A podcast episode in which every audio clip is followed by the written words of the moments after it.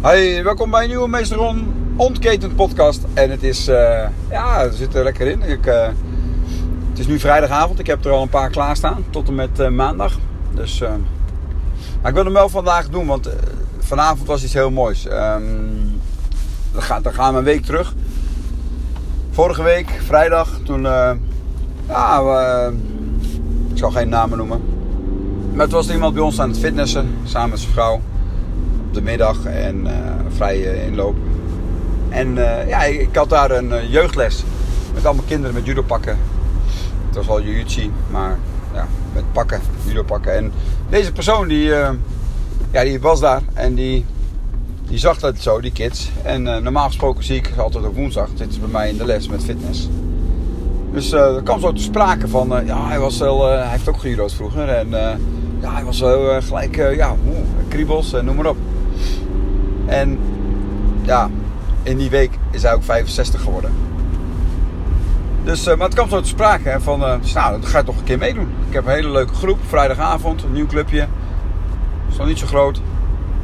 En uh, ja, er zit nog iemand in die ook al, nou ja, die is net 50, 51 geloof ik. En dan ja, ook wel een jonger iemand nog, maar ja, is wel leuk hoor. Ik zeg dus, dus waarom niet? Dus, nou ja, hij zegt, ik ga het doen. Dus uh, als jij een pak regelt, dan, uh, dan ben ik er. Dus zo gezegd, zo gedaan. Vanavond pak aan en, uh, en judoën. En hij vond het geweldig. Hij heeft echt genoten. En ehm, ja, ik ook. Ik, ik, vind dat, ik vind dat zo wijs. Als iemand die 65, net 65 is geworden, die vroeger heeft gejudo'd, heel lang niet gedaan. Ehm, en, en, en ja, het weer oppakt. Maar dat is niet het enige. Er zit nog meer deze persoon die, uh, ja, sowieso, ik eh, vind het een fantastisch mooi mens. En, en waarom? Omdat als je 65 bent en je ziet judo pakken en je hebt gelijk zoiets van, oh ja, dat was gaaf. En je pakt dan door om te zeggen, ik, pak echt dat pak en uh, ik, ik, ga die mat op. Dat vind ik heel mooi, want dan niet van, oh ja, ja maar ik ben, wel, ik ben al 65 en ja, nee, het, wat heel begrijpelijk zou zijn, overigens. Hè. Begrijp me niet verkeerd. Het is natuurlijk, uh, ja, dit is een hele leeftijd.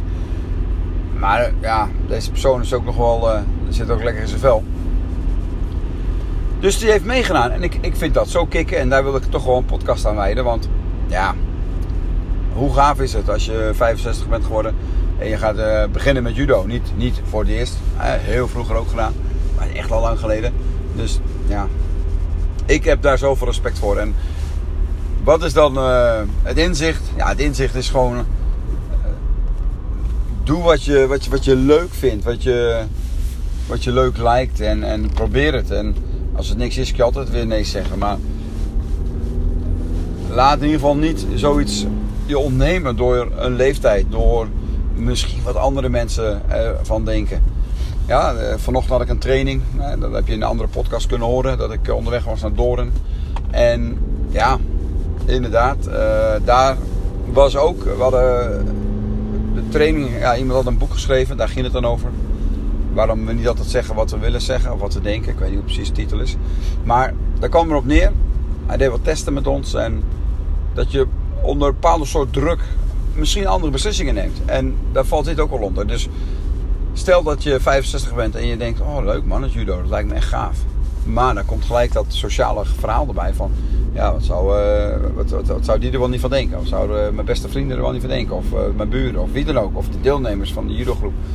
Ja, zullen ze wel niet denken, oude knakker of zo. Nee. Dat is hij niet...